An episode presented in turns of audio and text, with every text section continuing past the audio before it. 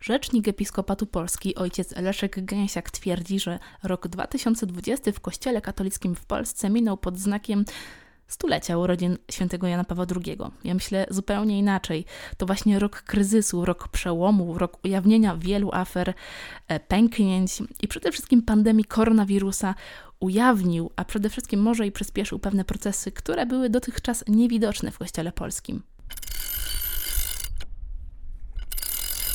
Witajcie w takim pierwszym, mięsistym odcinku podcastu Alfabetem Morsa. Tutaj Zosia Kędziora. Bardzo Was przepraszam, że musieliście na niego czekać tak długo. Miałam w międzyczasie wiele innych obowiązków, e, także nagrywałam dla innych e, rozgłośni radiowych i podcastów. Przepraszam Was bardzo, że dopiero teraz. E, to pierwszy i zarazem ostatni odcinek w tym 2020 roku. Chciałabym dzisiaj powiedzieć o tym, jak nauczyć się pływać, gdy wypadniemy za burtę.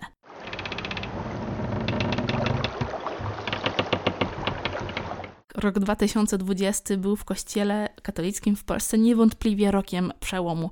Mieliśmy do czynienia y, z wieloma sytuacjami, momentami, wypowiedziami, niewyjaśnionymi jeszcze dotąd sprawami i podejrzeniami, które zmieniły tak naprawdę nasz stosunek do Kościoła katolickiego, osłabiły zaufanie do hierarchów, y, a może nawet i umocniły naszą osobistą relację do Boga, która odrywa się troszeczkę od tych przyzwyczajeń i naszej takiej, można powiedzieć, naturalnej pobożności. Niektórzy uwielbiają używać tego słowa i tego określenia. Ja również. Myślę, że ta sytuacja, w której mamy do czynienia teraz, y, zarówno na poziomie różnych diecezji, a także w ogóle wizerunku Episkopatu Polski, przyczyniła się do zmian. Myślę, że może powiedzieć to każdy. E, mamy przed sobą Sylwester, tak naprawdę.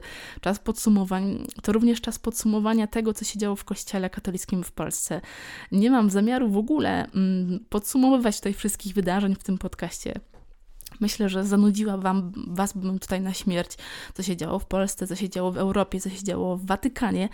Mm, myślę, że najważniejsze dla nas jest to, E, jak e, myśleć teraz o Kościele, jak odzyskać zaufanie do hierarchów Kościoła katolickiego w Polsce mm, po, można powiedzieć, kryzysie wizerunkowym.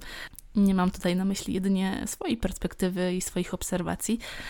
Opieram się tutaj akurat na badaniach, które zostały e, przeprowadzone przez Alert Media Communication wśród 113 rzeczników, dyrektorów i menedżerów public relation kluczowych polskich firm instytucji i NGO-sów. Na pierwszym miejscu znalazł się Kościół katolicki z 64% yy, powiedzmy tego rankingu kryzysu wizerunkowego. Chodzi tutaj przede wszystkim o zarzuty wobec hierarchów dotyczących przede wszystkim tuszowania ofiar pedofilskich. Na drugim miejscu znajduje się Trybunał Konstytucyjny Julii Przyłębskiej. Chodzi tutaj oczywiście o wyrok likwidujący konsensus społeczny w sprawie przepisów dotyczących aborcji. Na trzecim Jacek Sasin, dalej radiowa Trójka, Łukasz Szumowski, Jarosław Kaczyński, i tak dalej, i tak dalej. Na pierwszym miejscu znajduje się Kościół katolicki i myślę, że temu nie można zaprzeczyć. To jest oczywiście przykład jednych badań. Myślę, że gdybyśmy przeprowadzili kolejne wyniki, były, by, byłyby podobne. Kościół katolicki znalazłby się, jeśli nie na pierwszym, no to na pewno w pierwszej trójce m, mm, takich głosów niezadowolenia, z utraty pewnego zaufania czy y, jakiejś wizji, która złamała nasze dotychczasowe patrzenie na, na Kościół. Pytanie jest takie, jaki będzie rok 2021? Czy przyniesie nam zmianę wizerunkową Kościoła katolickiego, czy może my, świeccy, nauczymy się po prostu pływać, gdy wypadniemy ze burtę? Tomasz Terwlikowski w jednym ze swoich najnowszych e, felietonów twierdzi, że nie. Rok 2021 będzie jeszcze gorszy, to znaczy wypłyną kolejne afery, kolejne fakty, e, kolejne dokumenty, kolejne niewyjaśnione sprawy, które dezorientują e, katolików w Polsce, którzy nie wiedzą, czy ufać już hierarchom, czy po prostu zmienić swoje nastawienie do kościoła. Jak nauczyć się pływać? Mm, to dobre pytanie, na które odpowiedź mogą y, udzielić nam katolicy z innych krajów, szczególnie zachodu Europy, gdzie laicyzacja postąpiła już wcześniej, we wcześniejszych latach. Mm, kiedy myślę na przykład o Francji, kraju, który kojarzy nam się z takim zlaicyzowanym społeczeństwem, w którym nie można nawet krzyżyka publicznie powiesić, to właśnie kraj, który w tym roku, właśnie w czasie pandemii koronawirusa, pokazał mi, że laicyzacja prowadzi do odrodzenia kościoła, ale nie hierarchicznego, ale kościoła oddolnego, kościoła undergroundowego, takiego podziemnego, którym są katolicy z wyboru. Wielu z Was może kojarzyć takie zdjęcie mm, podczas lockdownu we Francji, w momencie, w którym kościoły były zamknięte i publiczne sprawowanie sakramentów, czy właśnie liturgii, czy nabożeństw było zakazane. Na placu przed kościołem gromadzili się ludzie, oczywiście według obostrzeń wszystkich sanitarnych, w maseczkach, w odstępach. E, na placu spowiadali księża francuscy. Mm, pełno właśnie takich zdjęć można było zobaczyć. Ludzi, po prostu Francuzów, którzy się modlili, którzy się spowiadali, ponieważ nie można było tego robić w kościele, robili to na zewnątrz.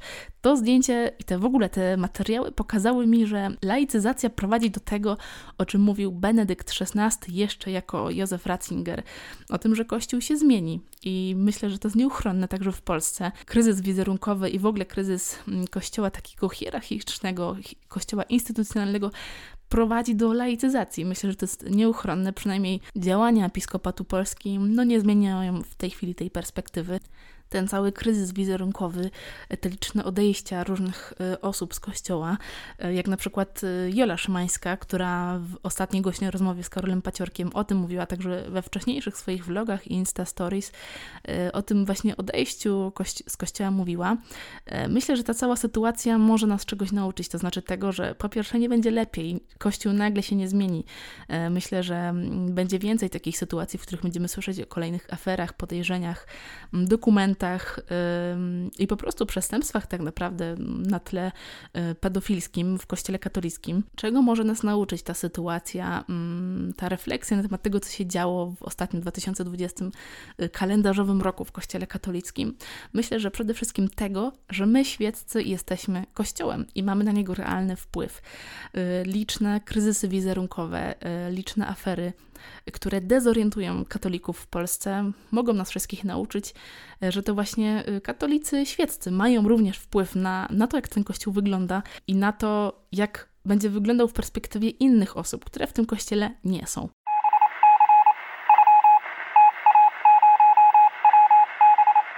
Pytanie jest takie, e, co z tym wszystkim zrobimy? To znaczy, to, co przyniesie 2021 rok, jest jeszcze przed nami. Nikt tego nie wie, co się stanie.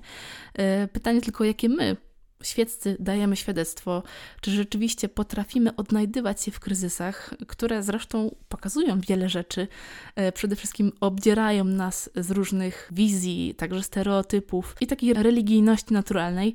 E, czy to nas zmieni? czy spowoduje, że będziemy bardziej ufać Panu Bogu niż ludziom i będziemy chcieli trwać w tej wspólnocie, yy, niestety zranionej przez, przez grzechy po prostu Kościoła, ludzi grzesznych, czy będziemy chcieli ten kryzys przekuć w potencjał, to pytanie jest oczywiście otwarte, nie ma na nie odpowiedzi. Te wszystkie właśnie odejścia z kościoła, te challenge, apostazji i tak dalej, wcale nie powodują we mnie takiej radości w sensie ja jestem lepsza, jestem katolikiem, a oni po prostu odeszli z kościoła. To stawia znak zapytania o o to jaka jest moja wiara, czy ja potrafię dawać świadectwo, czy potrafię być osobą, która w momencie kryzysu innej osoby mm, potrafi przy niej trwać, jej towarzyszyć, modlić się za nią. Więc to pytanie jest takie o moją wiarę, o konkretnie moje życie w kościele. I myślę, że ta cała sytuacja trudna dla nas wszystkich, myślę, że jest potrzebna, żeby obedrzeć nas e, z wizji, e, z zasłon, które mieliśmy być może na oczach i postawić pytanie o naszą relację do Boga i o to, jak traktujemy innych w Kościele. Mam nadzieję, że ta cała sytuacja oczyści Kościół i spowoduje, że stanie się właśnie Kościołem ubogich, Kościołem maluczkich, o tym właśnie, co, co pisał Józef Ratzinger, właśnie wypowiedź dla radia, o czym mówi się, że jest proroctwem, które po części spełnia się właśnie w tych zachodnich krajach. Mam nadzieję, że to również spełni się w Polsce i będziemy kościołem, do którego będą przychodzili ludzie ze względu właśnie na wiarę y, i to, jak siebie wzajemnie traktują. To wszystko, co chciałam powiedzieć w tym odcinku, bardzo krótkim zresztą. Y, mam nadzieję, że do usłyszenia w nowym roku y, w kolejnych tematach alfabetem Morsa.